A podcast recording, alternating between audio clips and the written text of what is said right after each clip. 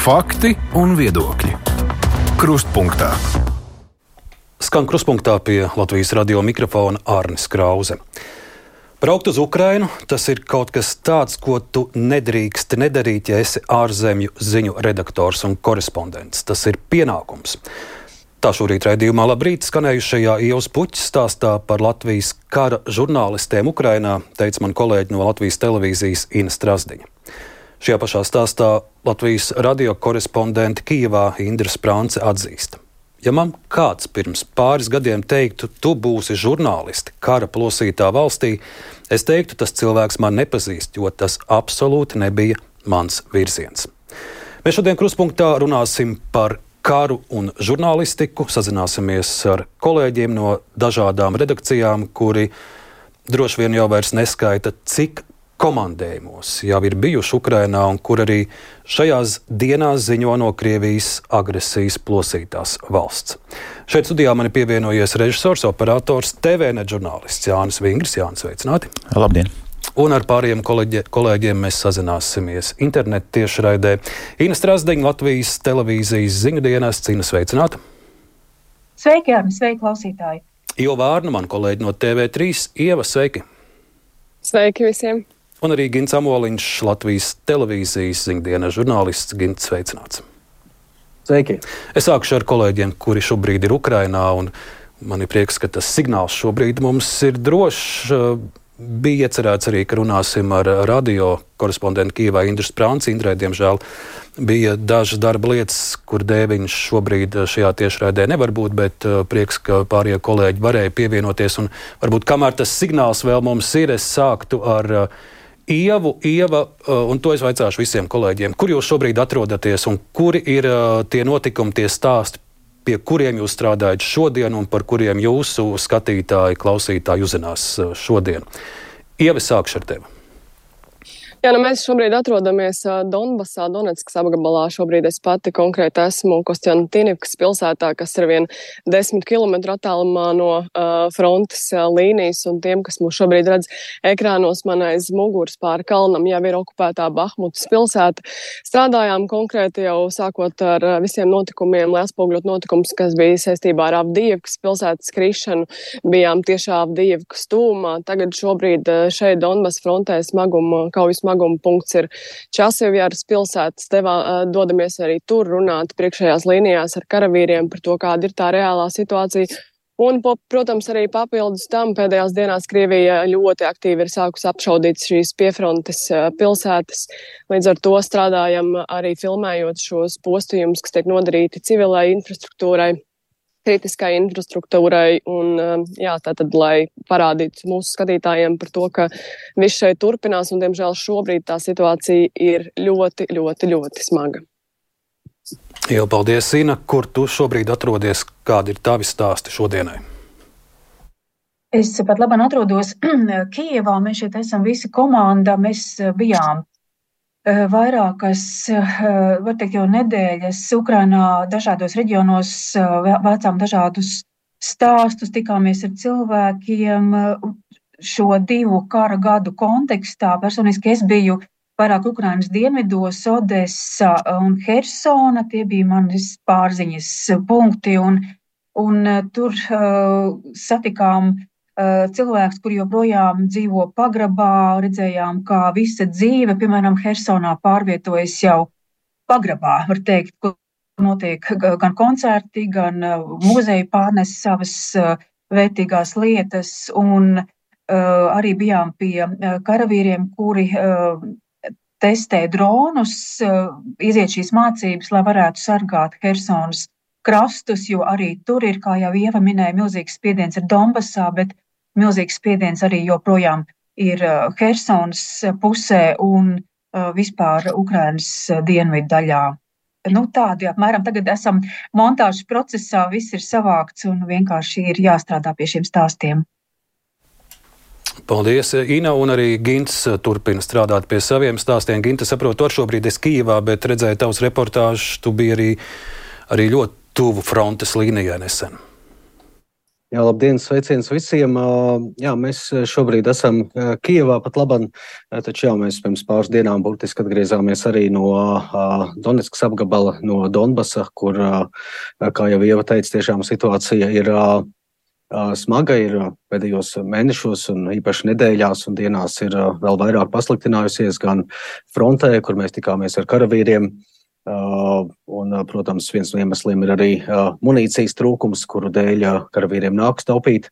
Um, īpaši artilēristiem, kas atbalsta kājniekus pirmajās līnijās, kas savukārt arī, protams, traucē, kavē Ukraiņas iespējas šajā gadījumā jau pēdējās nedēļās aizstāvēt savu teritoriju, ne tik daudz atbrīvot.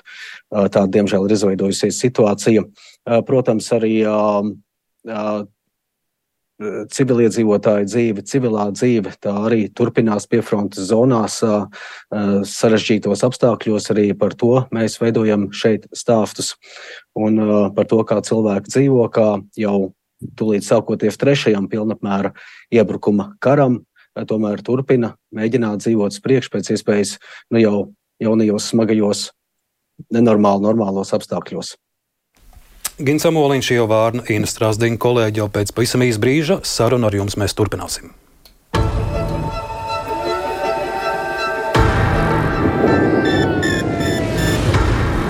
Ukraiņai ir jāuzvar, un ar Ukraiņas uzvaru divi gadi kopš Krievijas pilna mēroga iebrukuma Ukraiņā.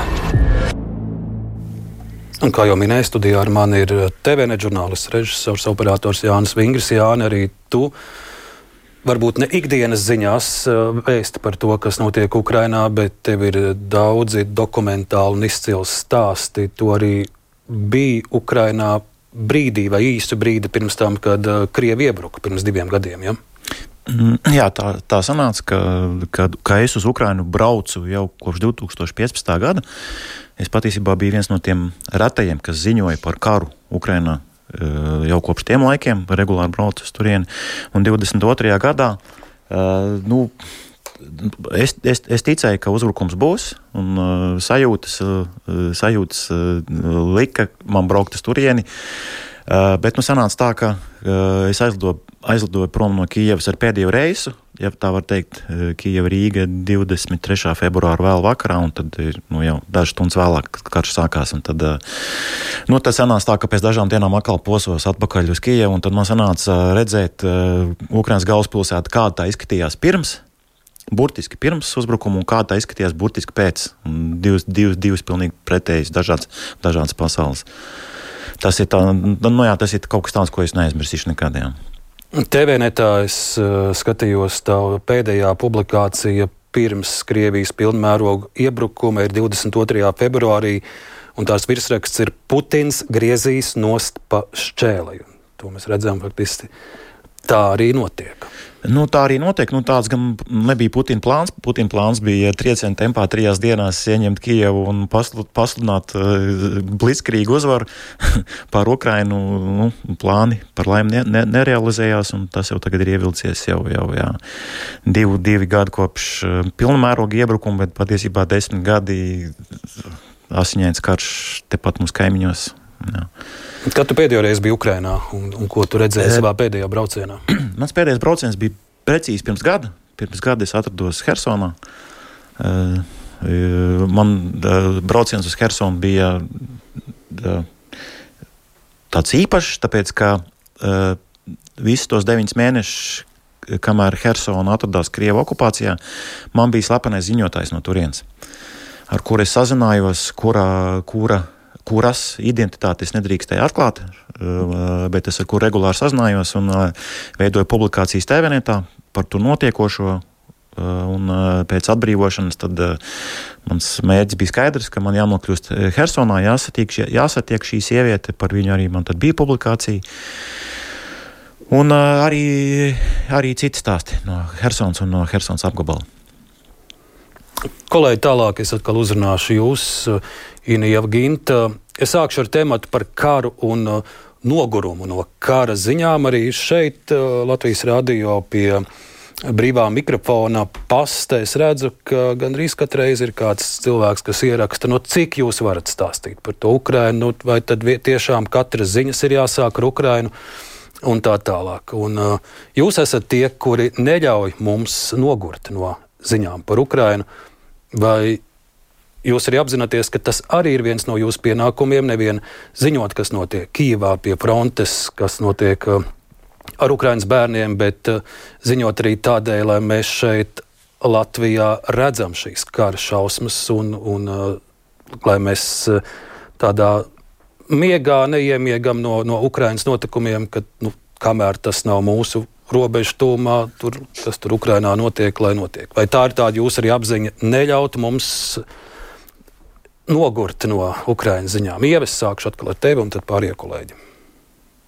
Protams, tas um, ir viens no šiem uh, galvenajiem mērķiem parādīt mūsu skatītājiem visu to vājprātu, ka, ko piedzīvo gan uh, karavīri frontes priekšējās līnijās, un, protams, arī civiliedzīvotāji un uh, stāstīt, stāstīt, atgādināt, lai mums pašiem par uh, kāru nebūtu jāstāst savās mājās. Un, bet uh, jāsaka gan, ka mm, es teiktu, ka vismaz es redzu paralēli vācot arī ziedojumus, lai atvestu karavīriem uh, nepieciešamās lietas uz fronti, tad cilvēki tiešām mm, ir jā, noguruši, bet tad, kad notiek kaut kādas tādas izmaiņas frontē, piemēram, pēc Avdīvkas krišanas, vai, vai, vai ir kādi masveidīgi uzbrukumi lielajām Ukrainas pilsētām, tad mēs atkal atmostamies un, un saprotam, ka jā, tur katru dienu turpina mirt eh, cilvēki. Un, uh, jā, nu tieši tas ir tas iemesls, kāpēc mēs esam šeit, jo nu, Ukraiņi nevar bez mums šo karu uz, uzvarēt, un ja viņi neuzvarēs, tad, um, diemžēl, nākamie varam būt arī mēs.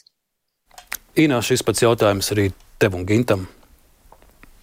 Ja, nu, Ievi ļoti pareizi saka, tā principā ir fronte e, tēva pagalmā mūsu gadījumā, jo mums tiešām Ukrainā karš būtībā e, tas ir tik liels drauds mums pašiem. Mēs esam NATO dalībvalsts, protams, bet, bet mēs zinām, cik neprognozējams ir Putins un cik vispār neprognozējama ir Krievija. Tāpēc tiešām tas nogurums vismaz uh, Eiropas pusē tas nedrīkst, nedrīkst būt. Un Mēs nu pat bijām arī tepat Maidana laukumā, runājām ar, ar cilvēkiem. Un, uh, protams, viņi arī atzīst, ka viņi ir noguruši. Ļoti daudzi uh, kameras priekšā raudāja un teica, nu, mēs vairs paši neesam droši, vai būs uzvara. Bet tā cerība ir un paliek, un, un, un mēs vispār nedrīkstam pat citādāk domāt. Bet tas, ka, protams, katrā karā iestājās nogurums, es vēl labi atceros, tad, kad bija arī Sīrijas karš, kas ļoti geogrāfiski ir tālu no mums visādās nozīmēs. Kā arī sākumā bija milzīga preses uzmanība, un pēc tam tas viss iegāja tādā normalitātes fāzē. Es ļoti negribētu, ka tas notiek Ukraiņas gadījumā, jo īpaši mums, un es saprotu, ka cilvēkiem liekas, ka mēs pat daudz varbūt stāstam, varbūt pat daudz runājam, bet šajā gadījumā nekas nav pa daudz. Mēs tiešām, tiešām nedrīkstam atslābt. Un, un nogurt. Mums šī uzmanība ir jānotur maksimāli līdz pilnīgai uzvarai. Gint, vai arī Jā, tu redzi, ka tas ir viens no taviem arī žurnālistikas pienākumiem modināt uh, mūsu sabiedrību brīdī, kad, kad sākas šāds naudiens un, un nogurums?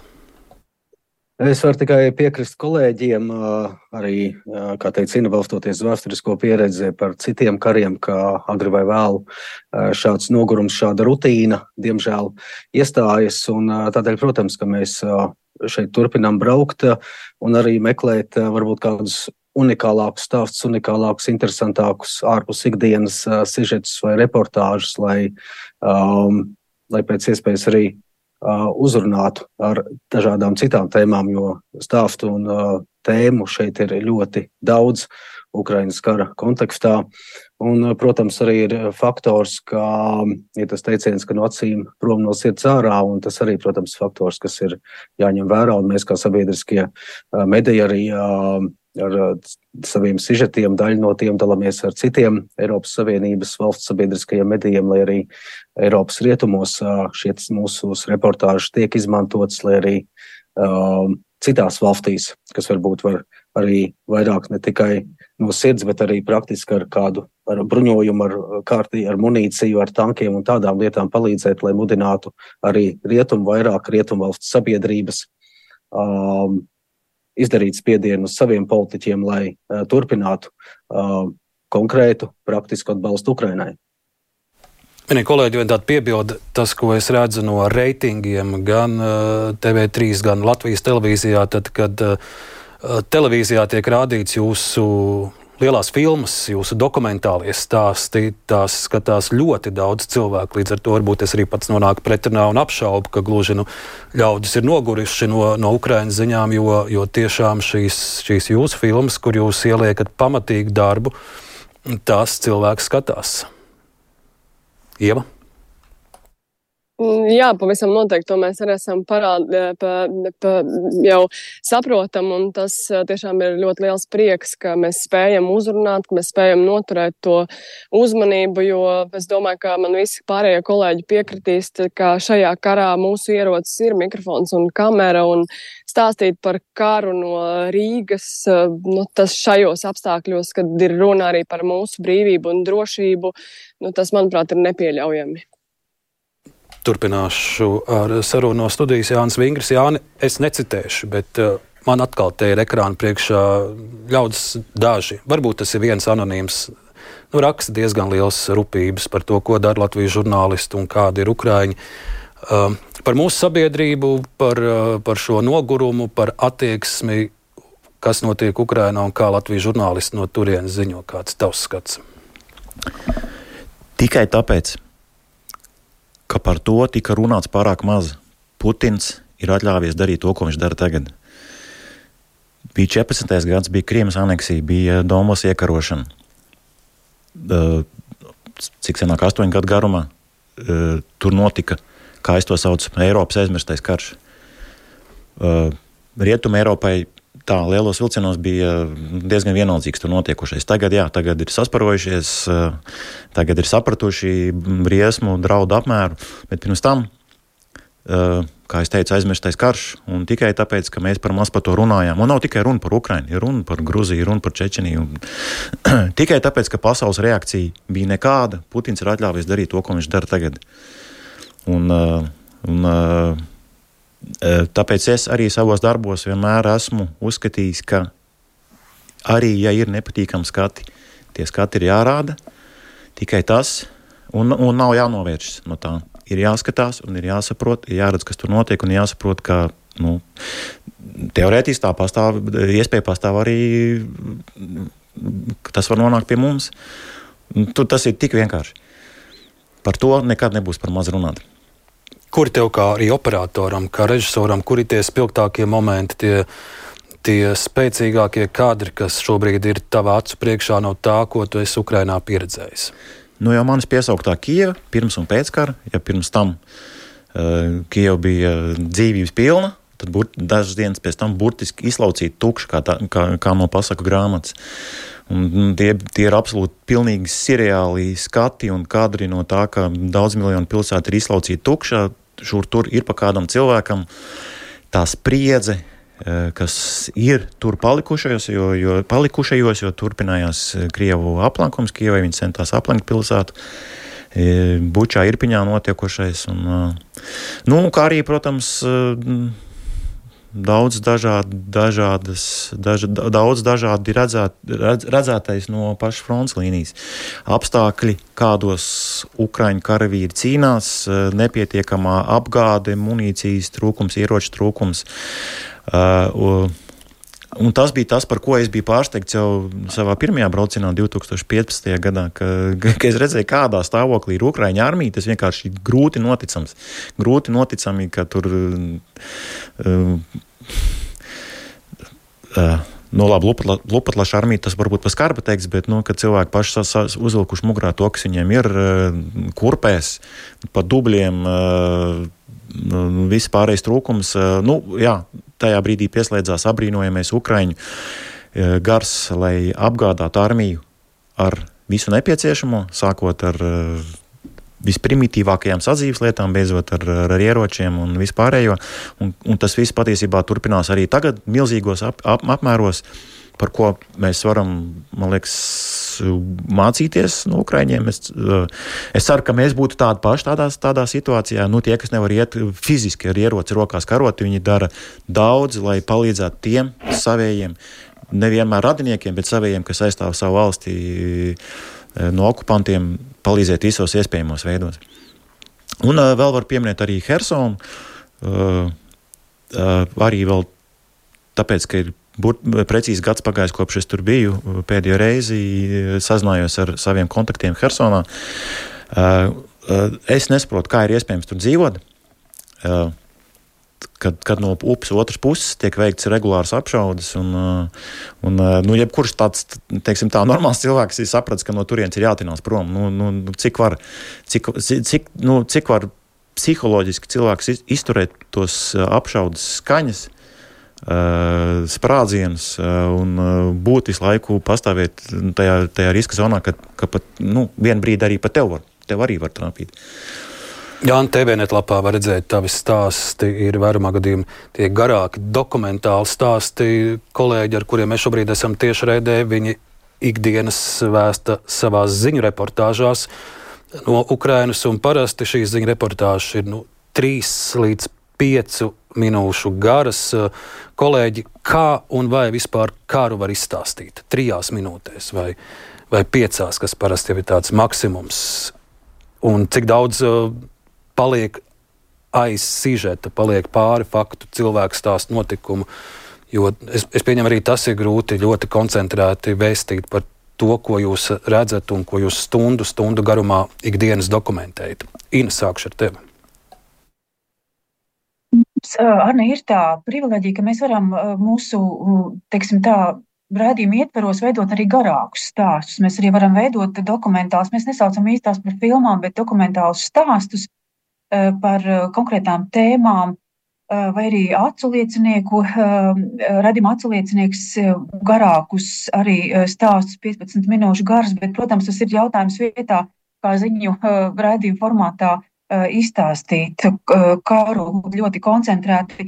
Nu, mēs cenšamies. Mums ir ļoti tādā ziņā atsaucīgi redaktori, kas ļauj arī iet pāri šīm trim minūtēm, piecām, sešām, ja runājam par tādu laika limitu, jo vienkārši nu, šeit būt un, un, un, un atspoguļot notikumus, protams, tas ir tāds zināms ekskluzīvs arī um, moments, un tāpēc nu, šīs raidāks ir vairāk. Bet, protams, tas nozīmē ļoti, ļoti sakoncentrēties, ļoti izvilkt to pašu, pašu esenci, pašu dziļāko uh, emociju uh, plūsmu, tiešām milzīgi, milzīgi stundām filmētu materiālu patiešām salikt tādā mazā, mazā emocionālā sprādzienā, jo emocijas ir tas, ko mēs visvairāk gribam parādīt, eh, cik eh, smagi tas ir, cik grūti tas ir, un to vienmēr mēs arī eh, cenšamies izstāstīt ar cilvēkiem, jo cilvēks stāsta patiesībā, vai tie ir karavīri, vai tie ir civiliedzīvotāji, tie jau ir tie spēcīgākie caur kuriem šo stāstu, kara traģisko stāstu arī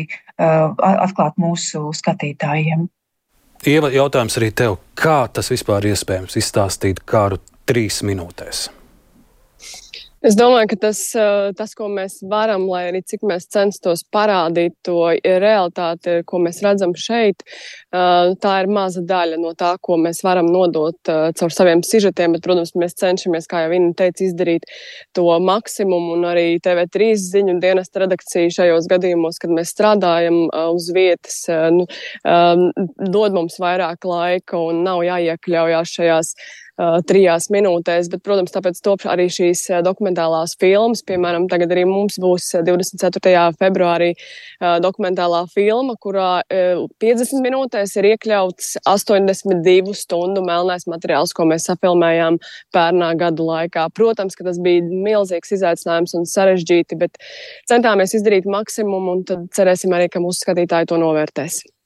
Kolēģi, nākamais ir stāsts, kur es vēlos eh, izzināt par, par situācijām, kurās eh, jums ir jālēm, ka ir arī lietas, un gandrīz droši vien ikdienā tas tiek jums pieredzēts, ka jūs nolēmat, nē, par to es ziņot nevaru.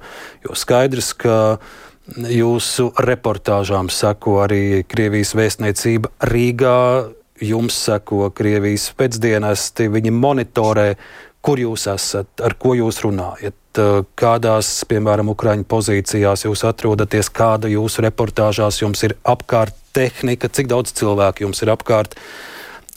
Tas ir stāsts par to, ka jums droši vien ik pa brīdim arī jādomā, ko neziņot, nevien tikai ko ziņot. Ginta. Protams, tie ir tīri praktiski jautājumi. Principā galvenais ir konteksts, ja runājam par ko ziņot un ko neziņot. Visam ir jābūt kontekstā, ja tie ir par praktiskām. Tā laikam sakara ar Gintu mums uz brīdi pārtrūka, tad varbūt Ina. Arī Ina šobrīd mēs nedzirdam. Ieva, vai tu mūs dzirdi šobrīd? Dzirdu, dzirdu, jā. Tad, ja es ar tevi turpināšu arī vakar, es skatījos tavu, tavu reportāžu, un uh, tev bija virkne kadru, kuri bija nu, teiksim, tā, aizkrāsoti. Tur runāja Ukrāņu karavīrs, uh, bija neredzams tur monitors, kas viņam ir priekšā. Tad, uh, tad bija vēl vairākas epizodes, kur tu biji aizklājusi. Kā, stā, Tu, tu zini, tu esi droša, ka, ka Krievijas pēcdienas tavām aktivitātēm seko? Vai tas no manas puses ir pārspīlējums? Nē, es domāju, ka pilnīgi noteikti, ka mēs uh, visi esam zem uh, spēcdienestu lupas Krievijas, un, un uh, mēs ar savām reportāžām patiesībā sakot, ja nepievērst uzmanību tādām lietām, ko nedrīkst rādīt, patiesībā varētu nodarīt ļoti lielu ļaunumu tiem cilvēkiem, ar kuriem mēs kopā strādājam konkrēti pozīcijās.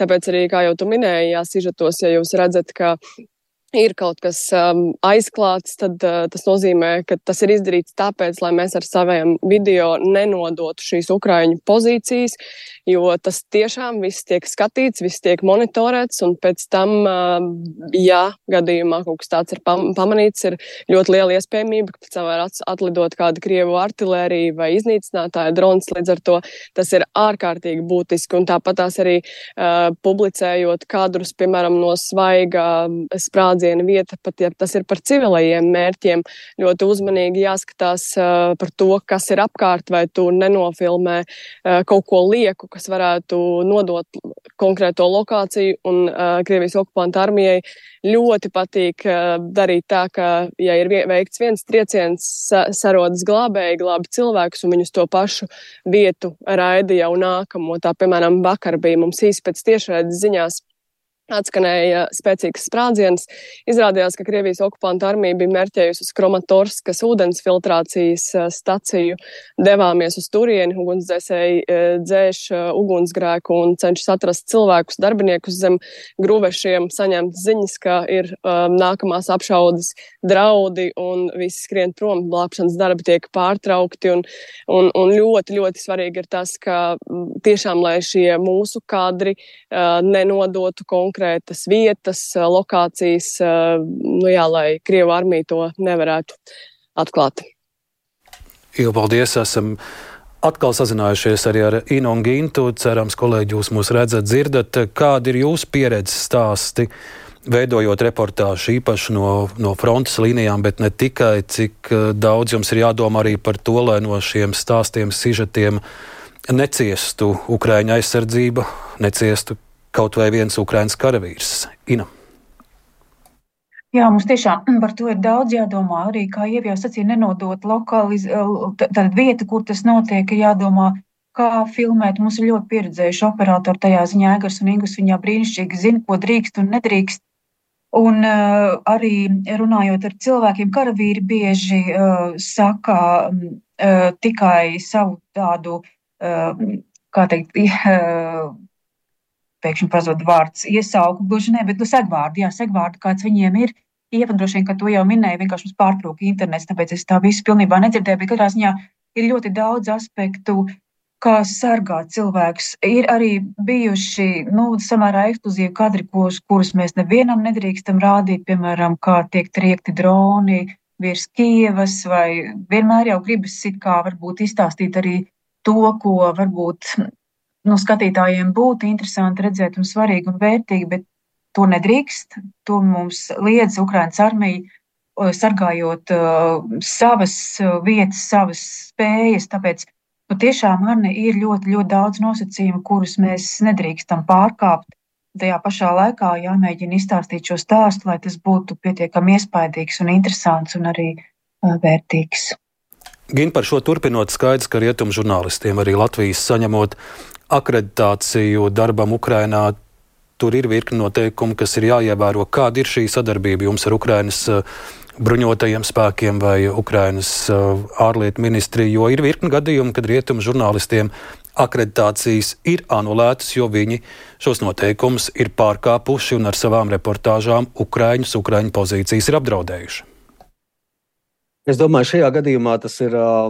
Nu, mūsu gadījumā es teikšu, ka mums ļoti konstruktīva sadarbība ar uh, Ukraiņas bruņotajiem spēkiem, ar uh, preses virsniekiem un tā tālāk. Un tā joprojām, protams, ir lietas, ko dažreiz gribētos labāk vai ātrāk uh, sarunāt vai kaut kur piekļuvi iegūt. Taču nu, karš ir karš un, un ir kā ir. Runājot par,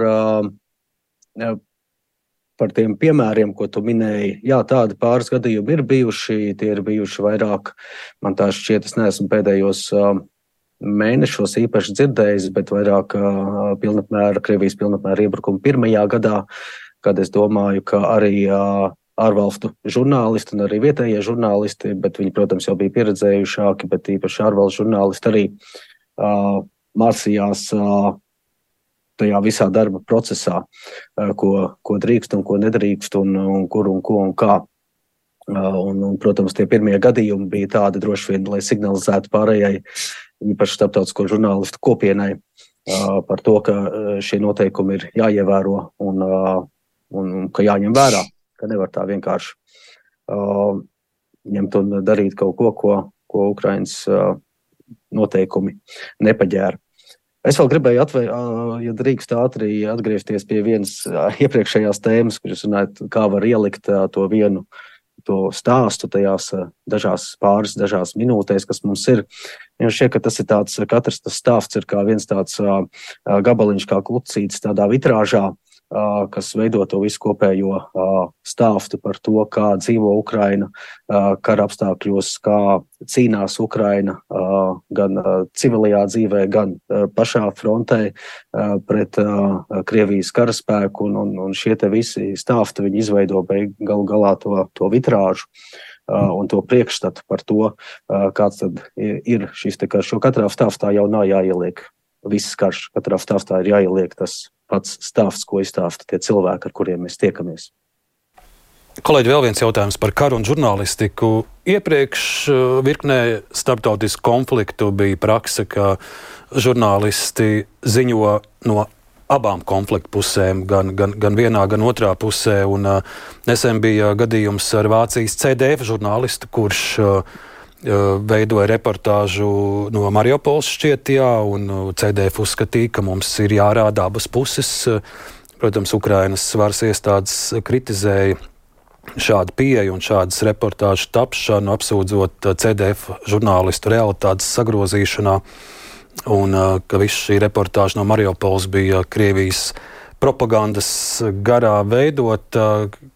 Kā jūs vērtējat, piemēram, šādu CDF rīcību?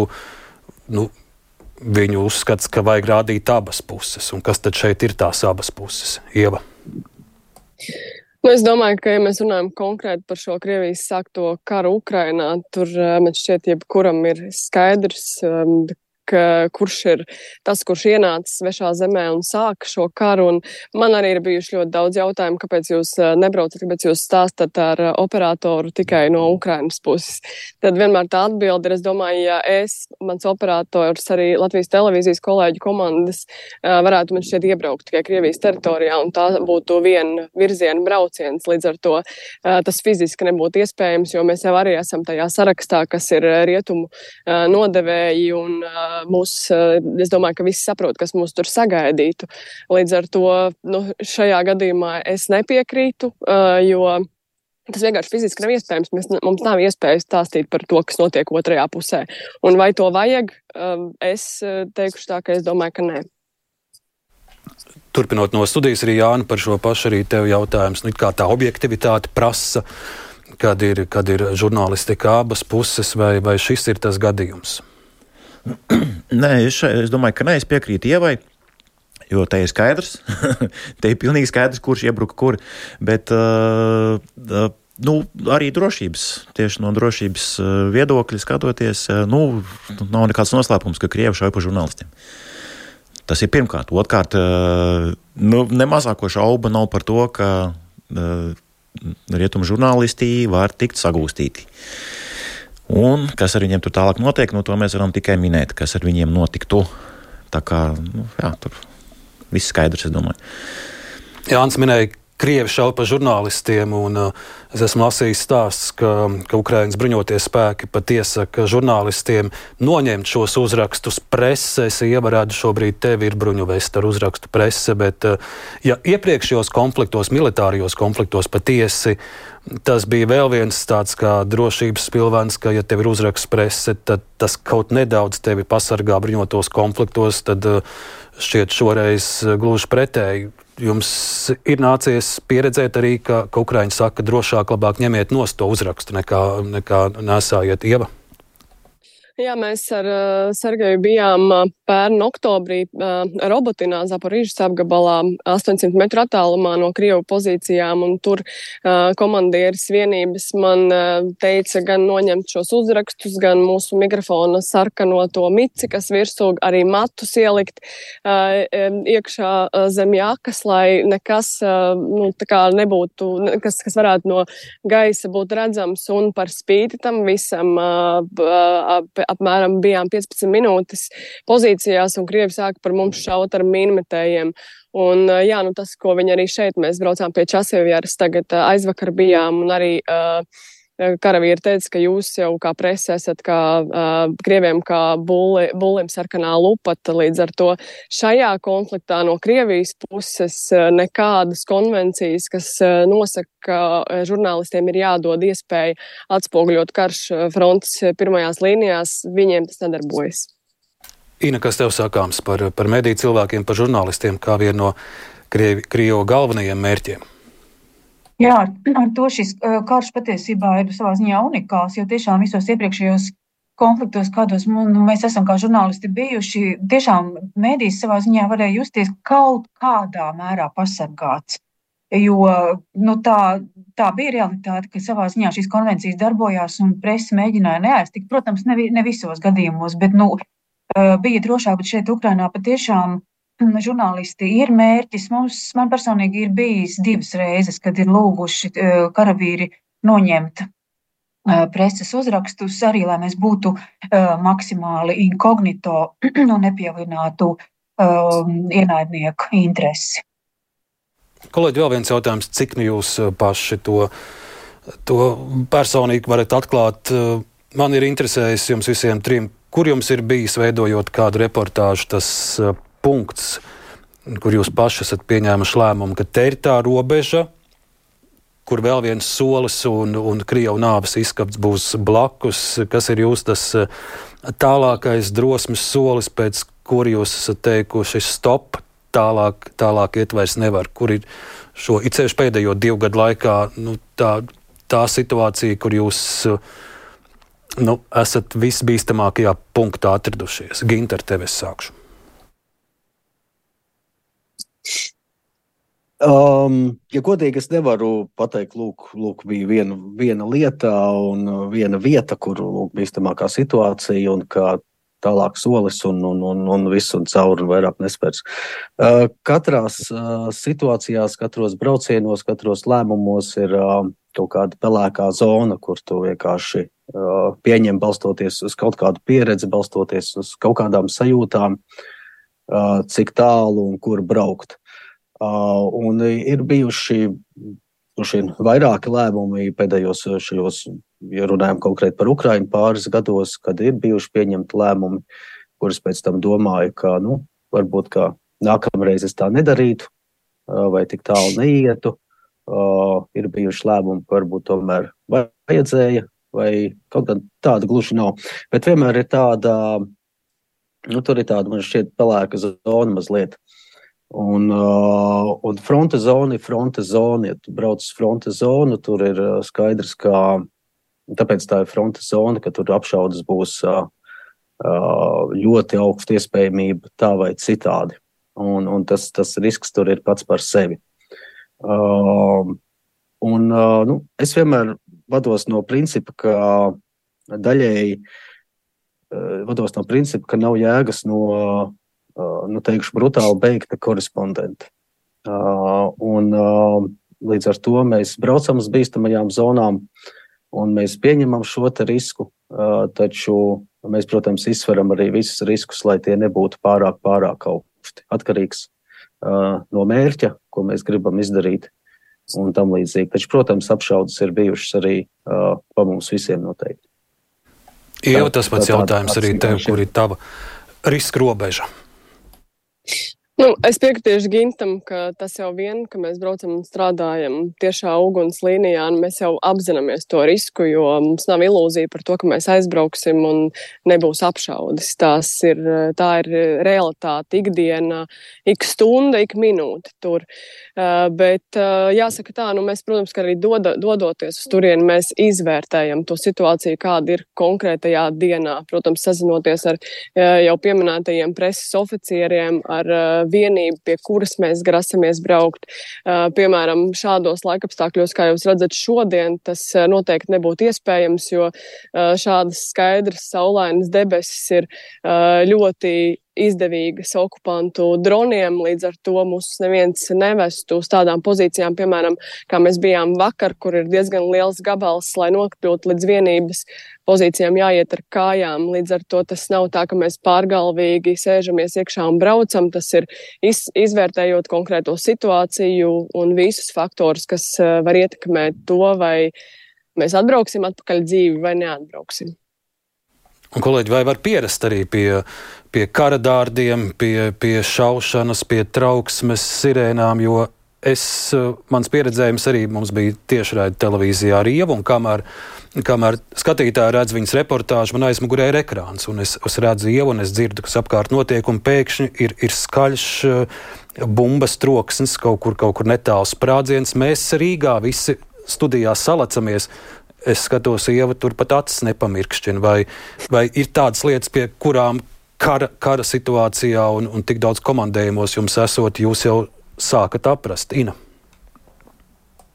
Ar tām trauksmēm ir tā, ka pie tām, nu, es nevaru teikt, varbūt gluži pierast, jo mēs neesam katru dienu šeit. Ja mēs būtu katru dienu, es domāju, tad varbūt vēl vairāk varētu pierast, bet to, ka tas būs, to mēs pieņemam kā tādu normalitāti. Un, un, Un, ja godīgi, varbūt arī nu, vairs tā nereaģējam, kas arī, protams, nav labi un pareizi, ja teiksim, došanās pagrabā tūlīt vai kā, bet ir ļoti daudz veidu, kā izsekot, kas ir pacēlies un cik tie draudi ir lieli un tam līdzīgi.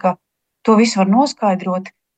Pie tās frontes dunoņas arī, nu, kā kurā reizē, protams, nevar pierast pie lādiņu svilpieniem, ja tādi ir un, un pie kaut kādiem skaļākiem trokšņiem, bet uh, vienkārši tā situācija ir kļuvusi labāk zināma, teiksim tā, pēc vairākām pieredzes reizēm, un līdz ar to, nu, varbūt tas trauksmes moments ir zemāks. Nu, vismaz, nu, vismaz man tā ir.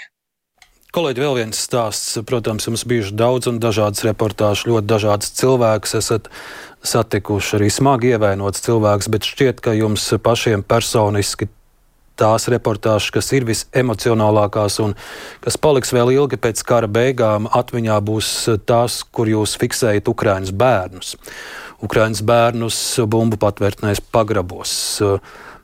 Īna, tev bija uh, filma par, par, par šiem salauztajiem bērnu likteņiem un, un, un viņu dzīvi pustumsā pagrabos. Ieva, tu biji Ziemassvētkos paņēmusi bezalgas atvaļinājumu, lai lai Ukraiņas bērniem aizvestu dāvanas no Rīgas un paņēmusi bija salaveču tērpu, lai, lai vismaz viņiem kāds prieks būtu. Um, Ukraiņas bērni, Ukraiņas, uh, kā jūs redzat, uh, ko šis karš jau ir nodarījis un, un, un, un, un turpmākajos gados nodarīs ar viņiem? Ieva.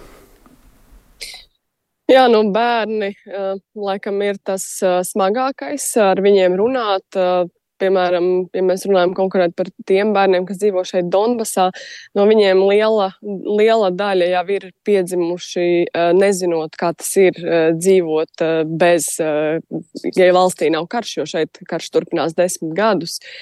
Un uh, arī tad, kad tu ar viņiem runā, tad tu saproti, ka tev tikai priekšā ir uh, mazs cilvēciņš. Patiesībā sakot, šis karš uh, viņu jau ir padarījis par pieaugušo. Viņš, eh, viņam ir pieaugušā domāšana, un viņš pat neinteresējas par tādām lietām, kas, eh, nu, par ko parasti interesējas bērni. Un, protams, ka uz to ir ārkārtīgi smagi skatīties, jo viņiem ir absolūti nolaupītas, izārdītas bērnības un tiešām arī nākotne. Un tas ir ārkārtīgi smagi, protams. Un vēl smagāk ir tad, kad ja tu esi liecinieks tam, kā Krievijas aviācijas bumbas tiek uzmestas uz mājas, kā mēs ar Sergeju bijām Bahmutas pilsētā. Un, no degoša nama iznes septiņus gadus vecu puisīti, kurš pēc tam vienkārši nomirst, jo viņam bija sadragāta galva. Nu, tas ir vājprāts, tas, tas ko, ka, ko nodara šis karš, šī Krieva armija. Vispār Ukraiņas cilvēkiem, un jo īpaši bērniem, tas ir kaut kas tāds, ko man liekas, neviens normāls cilvēks nevar un nevar, nu, nekad nevarēs piedot un saprast.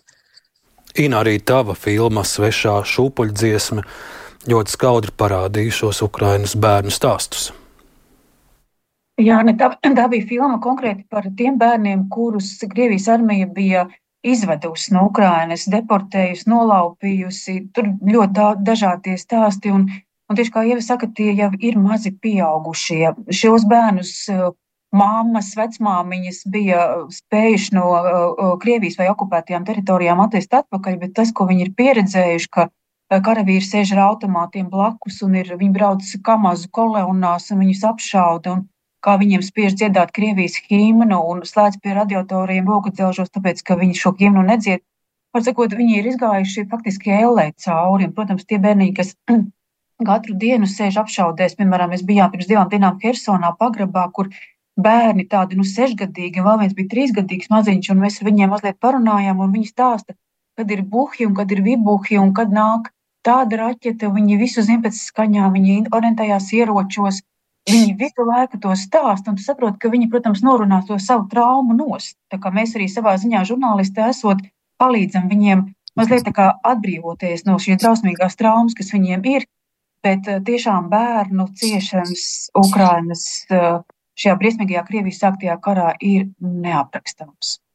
Vēl viens stāsts, kur es gribu dzirdēt, arī, arī jūsu pārdomas, redzot jūsu visas trīs reportāžas, jūs bieži vien uh, tiekaties, intervējat cilvēkus tādās pussagrautās pilsētās vai ciematos, un, un man vienmēr to skatoties, ir jautājums, kādēļ mm, šie cilvēki nav aizbraukuši prom. Dažiem tur objektīvi iemesli, ka nav pie kā braukt, vai, vai veci cilvēki saka, viņiem te ir dzimtie kapi, un viņiem vienkārši nav kur braukt. Bet ir viena daļa tāda, kur, kur es nu, brī, ne brīnos, bet jā, man liekas dīvaini, kāpēc viņi nebrauc prom, ja tepat blakus jau ir fronte. Un tas ir stāsts par šiem labojiet, bet viņas, man liekas, sauc žduni, ja, vai, vai kāds ir tas, tas precīzais apzīmējums cilvēkiem, kuri varbūt ir tādā pusnogaidīšanas situācijā un kuri varbūt arī to, to, to krievu armiju gaida, kad, kad viņi iesoļos un kaut kur varbūt bērniņos ir paslēpuši jau Putina portretu un, un, un, un Krievijas karogu.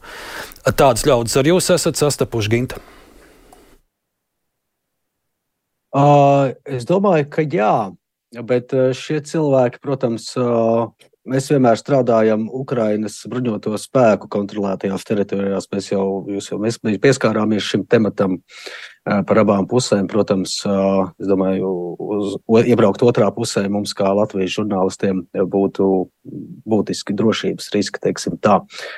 Un mēs vienmēr strādājam teritorijās, ko kontrolē Ukraiņas bruņotie spēki, vairāk vai mazāk, un, un protams, šie cilvēki uh, Ir bijuši gadījumi, bet, bet ļoti, ļoti ārkārtīgi reti, jo tur ir Ukraiņas bruņoties spēki. Viņi, protams, atklāti nepaudīs šo savu nostāju. Un, protams, gradācijas ir ļoti dažādas, cik kāds atbalsta vai neatbalsta. Un, protams, šeit arī Ukraiņā daudziem ir priekšstats, bet daudziem arī nav par to, ka cilvēki, kas joprojām ir palikuši tādās pilsētās kā Bahmuta vēl pagājušā gada aprīlī, teiksim, mēnesi pirms okupācijas, um, Avģīvkā vēl droši vien, teiksim, pirms mēneša.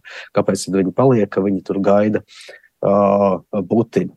Un, protams, šie cilvēki arī ir. Es domāju, arī Latvijā tādi cilvēki ir. Cik daudz tādu cilvēku ir, es nezinu. Uh, bet es, uh, es pats personīgi vairos uh, mest visus šos cilvēkus, kas joprojām palikuši pār vienu kārti. Jo nu, tajā pašā dzīvē ir bijuši stāsti, ka nu, tur viss vilpo, viss lido pāri, un mēs aizejam un tiekamies ar uh, cilvēkiem, kas dzīvo pagrabā. Un es prasu sievietei aptuveni 50 gadi, kāpēc viņa nebrauc projām. jo viņai piedāvā evakuēties. Un viņa saka, tā, ka man ir, vai vīram ir, ir māte ar tēvu, 80 gadu, un viņi saka, ka viņi projām nebrauks, jo tās ir viņu mājas, te ir mana zeme, te es esmu audzis un te es palikšu. Un tādēļ nebrauc viņu meita, aptuveni 50 gadīgā, un viņi saka, mhm. tādēļ nebrauc arī mans dēls, kuram ir nu, 20, 30 gadi. Un tādā veidā izveidoja šī ķēdīte arī ļoti bieži. Jā, paldies, Ginti, Jāni. Tev arī Ukrainā bija nācās sastapt šādus cilvēkus, kurus sauc par žduni. Jā, es esmu sastapis kas atklāti, atklāti pauž savu nepatiku gan pret Ukraiņas armiju, gan pret rietumu žurnālistiem.